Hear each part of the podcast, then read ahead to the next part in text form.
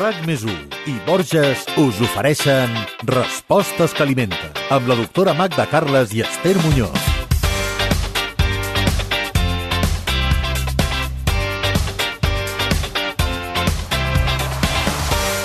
Durant els propers minuts us parlarem d'una alteració bastant freqüent i que moltes vegades qui la pateix no ho sap, però té un seguit de dolors abdominals, problemes de diarrea o estrenyiment i un malestar digestiu omnipresent. No se'n saben les causes, però el cas és que el colon irritable pot disminuir de forma considerable la nostra qualitat de vida i val la pena saber què cal menjar, sobretot perquè no es cura.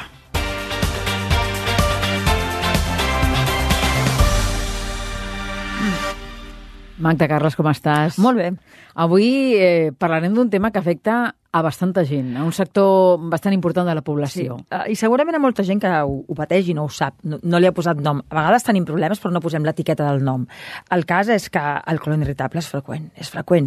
I com que és aquest seguit, com tu definies molt bé al principi, aquest seguit de símptomes que són uh, malestar digestiu, inflor, dolor, que a vegades les reposicions són d'una consistència diferent, que a vegades alternes estrenyiment i diarrea... En fi, és tot un seguit de coses que no són greus, però que et fan viure malament. Clar, clar, clar, et treuen qualitat de vida. Doncs sí, a veure, la major, la major part de les vegades no és greu, però sí que és veritat que atabala. I és, és molt molest. És I és molest. molt molest, perquè les persones, per exemple, que tenen problemes d'estrenyiment, tots sabem el que és, una setmana que estàs allà, que, que no hi ha maneres, no?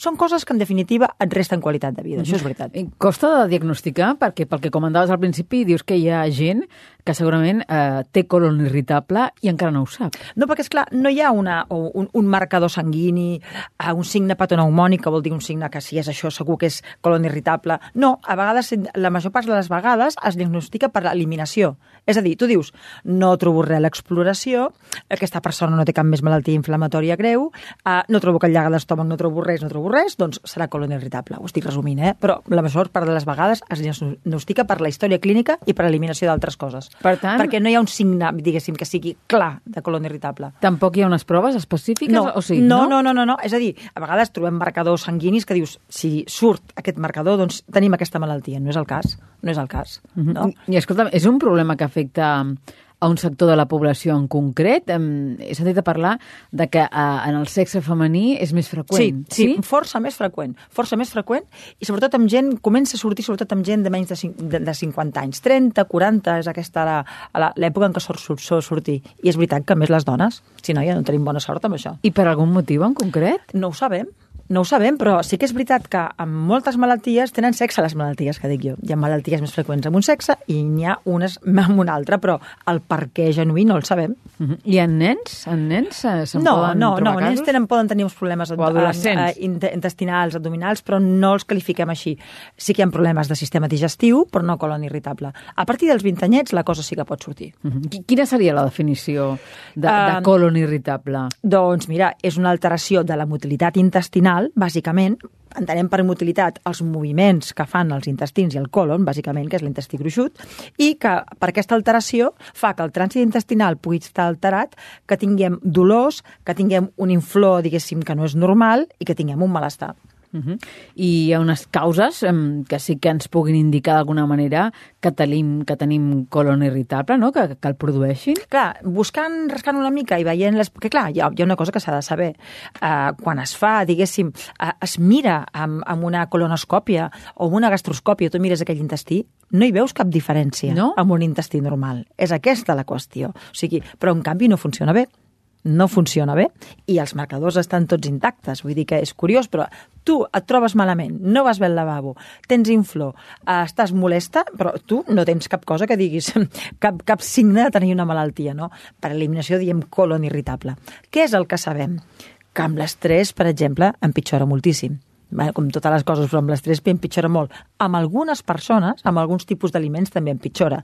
Amb algunes, amb els làctics, d'altres potser quan prenen massa fibra, d'altres amb coses que tenen molt de gluten, però no hi ha ni una celiaquia, entens? Ni ha cap més cosa, simplement que hi ha un sèrie d'aliments que pot ser que això doncs, encara ho facin anar pitjor. Per això és molt important que la persona que pateix aquests problemes sigui la millor metge d'ella mateixa, que vol dir que vegi què, què se li col·loca bé i què malament, no? Uh -huh. Sobretot això, no? En, en els símptomes col·locaríem el fet de que no anem regularment al lavabo, ens costa, Sí. no? O costa o vas massa. També. A, a vegades hi ha uh, persones amb, aquest, amb, amb aquesta alteració que realment sempre els hi costa molt, d'altres que sempre van massa i d'altres que alternen. Clar, si això es manté dintre uns límits, diguéssim, tolerables, doncs mira, és molest, però no passa res. Però sí que és veritat que hi ha un petit tant per cent de persones amb colon irritable que tenen molts problemes per compaginar la seva vida quotidiana amb, amb, amb, aquesta, amb aquesta alteració.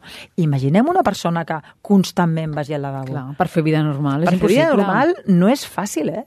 L'estrenyiment encara, però... I el dolor, mira, doncs prendre't coses, però imaginem-se que en tenim que anar 10 cops al dia al És lavabo. que és, és impossible. Eh, Vull dir, és- estar és- en una feina... Vull dir, dit així fa, fa com riure, no? Però imagina't tu que tens una mena com de, de, de, de, de trànsit intestinal superràpid que has d'anar i venir. Doncs no és senzill, això, eh? Clar, això és un trasbals. Repeteixo, això passa amb un tant per cent petit de gent que pateix colon irritable. La majoria, podríem dir, ho tenen amb símptomes no tan greus. Ens has dit que l'alimentació pot ser una causa, no? Pot ser que Sí. hi hagi aliments determinats, com Sí, els làctics, que els has citat, que, que ens poden fer mal, no? Sí. Alguns altres que estiguin en aquesta llista? Sí, per exemple, una persona, imaginem, no? Uh, posem en el cas d'una persona que tingui un colon irritable, doncs que sigui el, que tingui molt estrenyiment, no? Bé, bé, doncs aquesta persona potser dius, bueno, doncs ara prendré molta, molta fibra. També és possible que aquesta fibra amb excés també li faci mal. També estigui Saps? resultant dolenta. Exacte, segons quin tipus de fibra. Doncs una persona colon irritable, per exemple, no li donarem ni col ni coliflor, per exemple, ni, ni cigrons, perquè això li pot portar problemes. En canvi, potser un altre que tingui colon irritable li dones això i li irà bé. Uh -huh. El gran problema de- de- d'aquesta qüestió és que no hi ha un patró fixe sinó que cada persona pot tenir coses bastant diferents i respostes diferents. Què és el que és comú a totes? Que hi ha dolor, que hi ha alteració del trànsit intestinal, que hi ha malestar, que hi ha inflor, però que l'intestí tu el mires, tu fas la colonoscòpia, fas el tac, el que vulguis, i no hi trobes res. És curiós, eh? Que clar, això pel pacient i pel metge Clar, posa molt difícil. no, i que a vegades, com que no troba res, t'acaben... Alguns metges et poden acabar dient vostè està nerviós o nerviosa, el que tens és estrès. Bueno, sí, escolti, perquè no em trobo bé, m'entens? Vull dir, jo tinc mal de panxa. Vull una solució.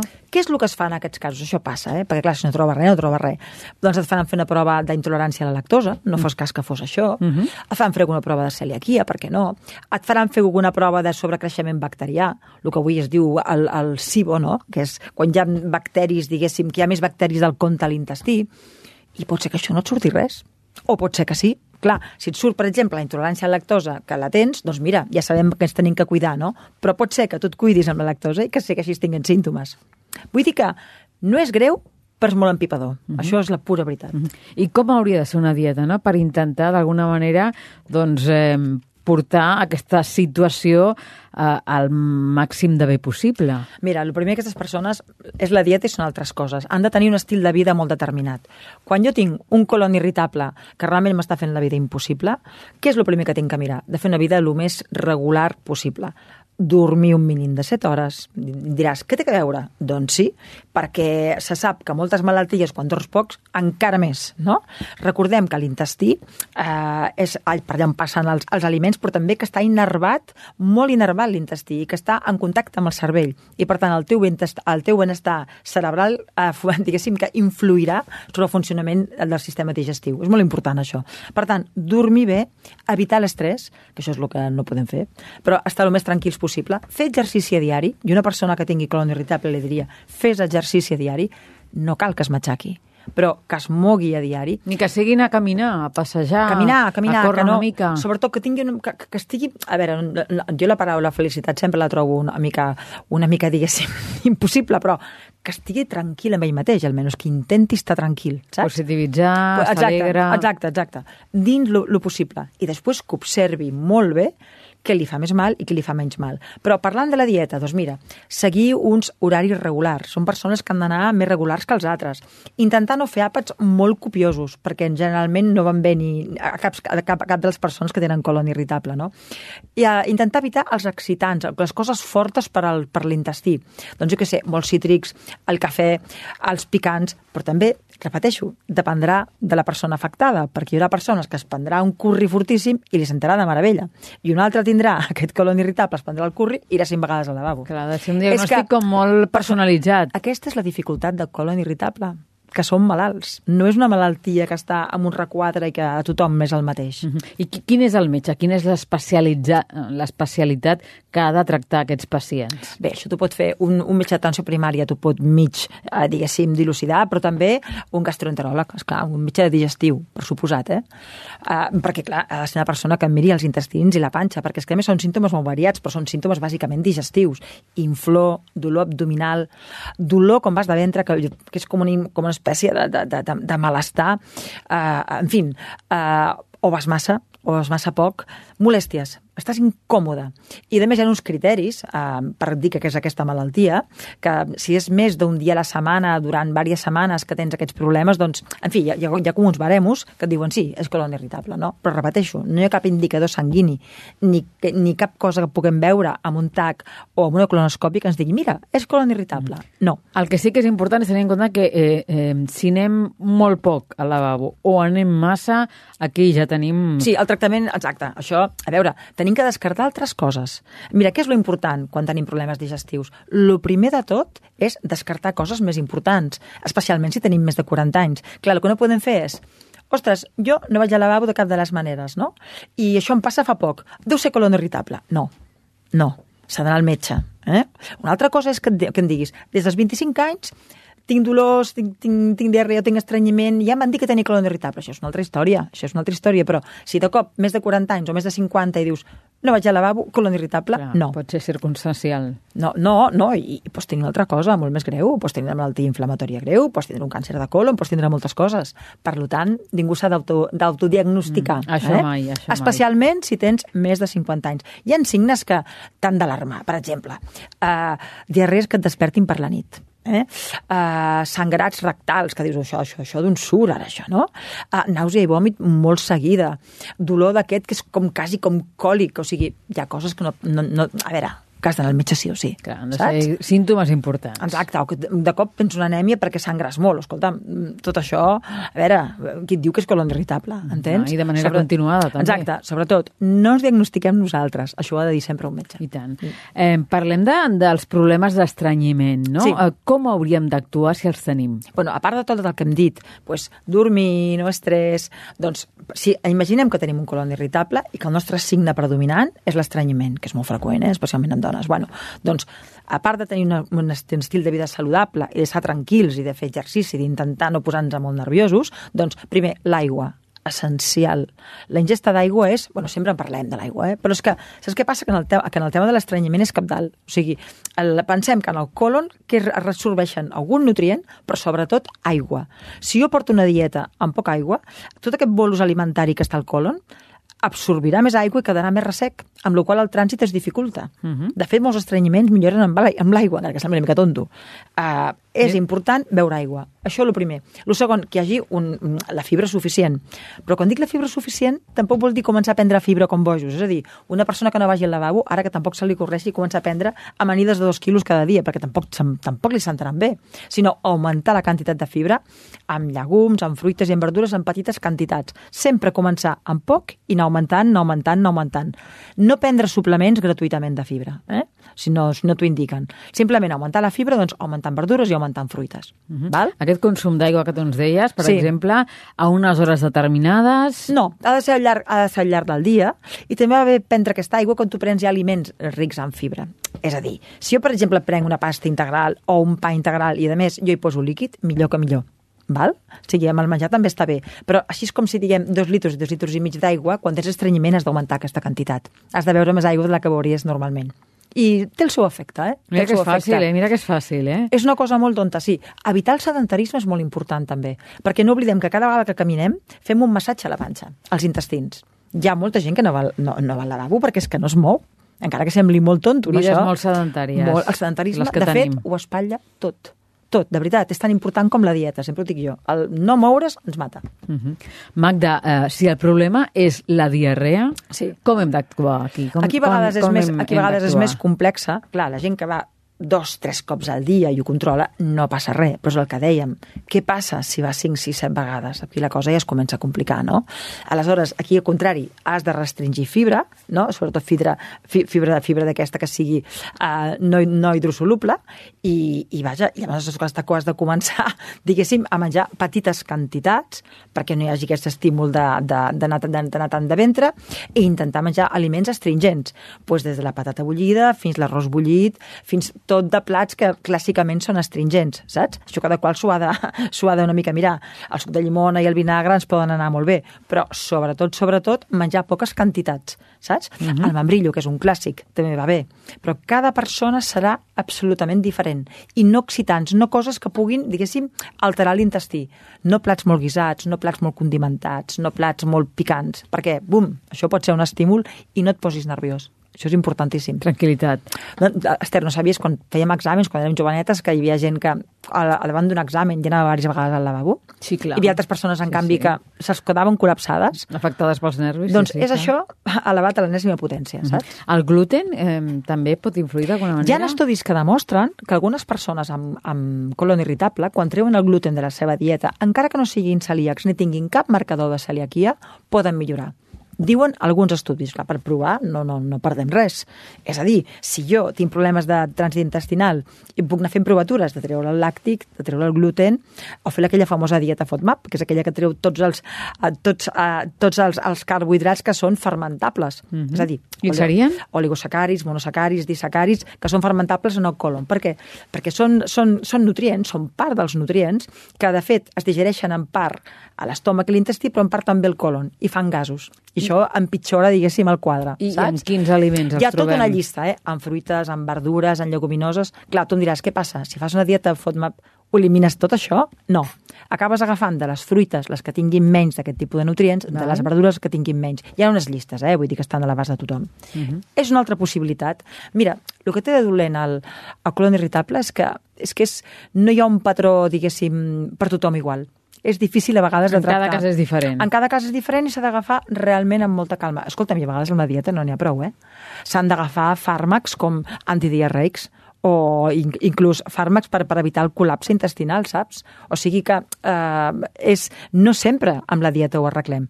Moltes vegades sí, estil de vida, dieta, no estrès, ja està. Però hi ha un tant per cent de persones que amb això no en tenen prou, saps? Han de, han de fer servir antiàlgics, han de fer servir antidiarreics i a vegades fins i tot antidepressius. O sigui que, en fi, Mhm. Magda, aquesta temporada, als Respostes que alimenten, eh, sempre, abans del resum, eh, ens dones un caprici saludable. Mm, en aquest cas, eh, en aquesta edició dedicada a la dieta pel colon irritable, mm. se t'acudeix alguna proposta? Mira, una dieta pel colon irritable que sigui... Uh, mira, jo, jo posaria una recepta que tingui una quantitat suau de, de, de fibra, que sigui digestiva i que sigui, diguéssim, una mica apta per a tothom, tant si tens un problema com si tens l'altre. Mira, jo sóc molt amant de les verdures al forn. Molt, molt, molt, molt, molt, perquè trobo que és una cosa que és fàcil de fer I tant. i és com molt agraïda. Doncs mira, jo què faria? Tomàquet, Sí, agafaria carbassó, que és un vegetal que sol posar-se bé per tothom, boníssim. i agafaria patata. I faria, la llàmina de patata la faria superprima, la de carabassó no tant i la de, i la de tomàquet no tant. I els aniria alternant en files amb una safata d'anar al forn. Posaria oli d'oliva, encara que sigui car generosament, i, i posaria espècies mediterrànies com, com molt naturals, romaní, una cosa d'aquestes, res sofisticat ni res de picants. I ho posaria al forn, fins que estiguessin una mica daurades. Aquesta és una recepta suau que per qualsevol persona que tingui colon irritable li pot anar bé. Recordem que la patata, quan, tant si és bullida, com si és rostida, com si és en puré, per l'est- és suau per l'intestí. És una cosa que és molt balsàmica. Li fa bé, li fa li fa bé. bé. No, en canvi, veus, no faria cap recepta en cols, ni amb coliflors, ni... Saps? Això sí que han d'anar amb cuidado. Però, però repeteixo, amb el colon irritable, el que més va bé és eh, tu mateix conèixer-te, experimentar-te la dieta que portes i la reacció que té. I fins i tot va bé apuntar-se al que has menjat i si has anat més de ventre o menys tal. O sigui, tu mateix, Per veure què és el que això a veure, és un positiu cop, per tu. un cop sàpigues que tens això. Ahà. Eh? Que això tinguis pot ser- el diagnòstic. Exacte, això pot ser una bona ajuda pel, pel teu professional que et porta, de dir, miri, jo he vist que amb això, amb això, amb això, de veritat, perquè al final tu ets el que et coneixes millor en aquest sentit dietètic. Doncs vinga, anem amb el resum. Respostes que alimenten. Amb la doctora Magda Carles i Esther Muñoz.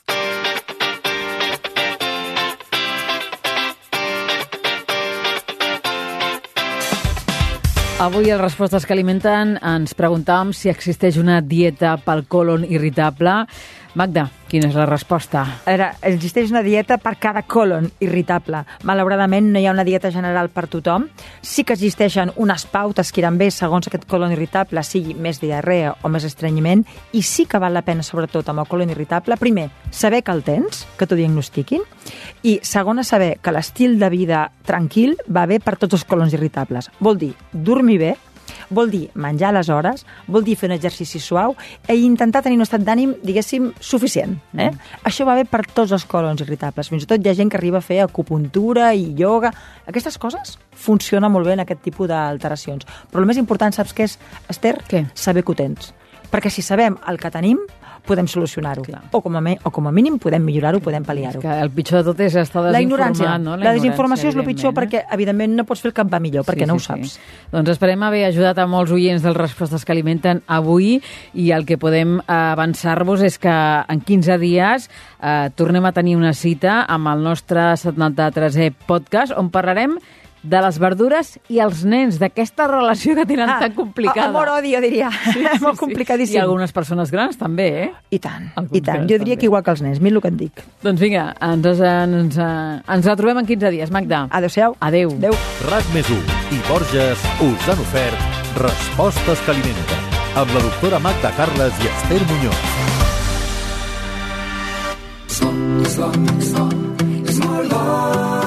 Cuidar-se és el més important.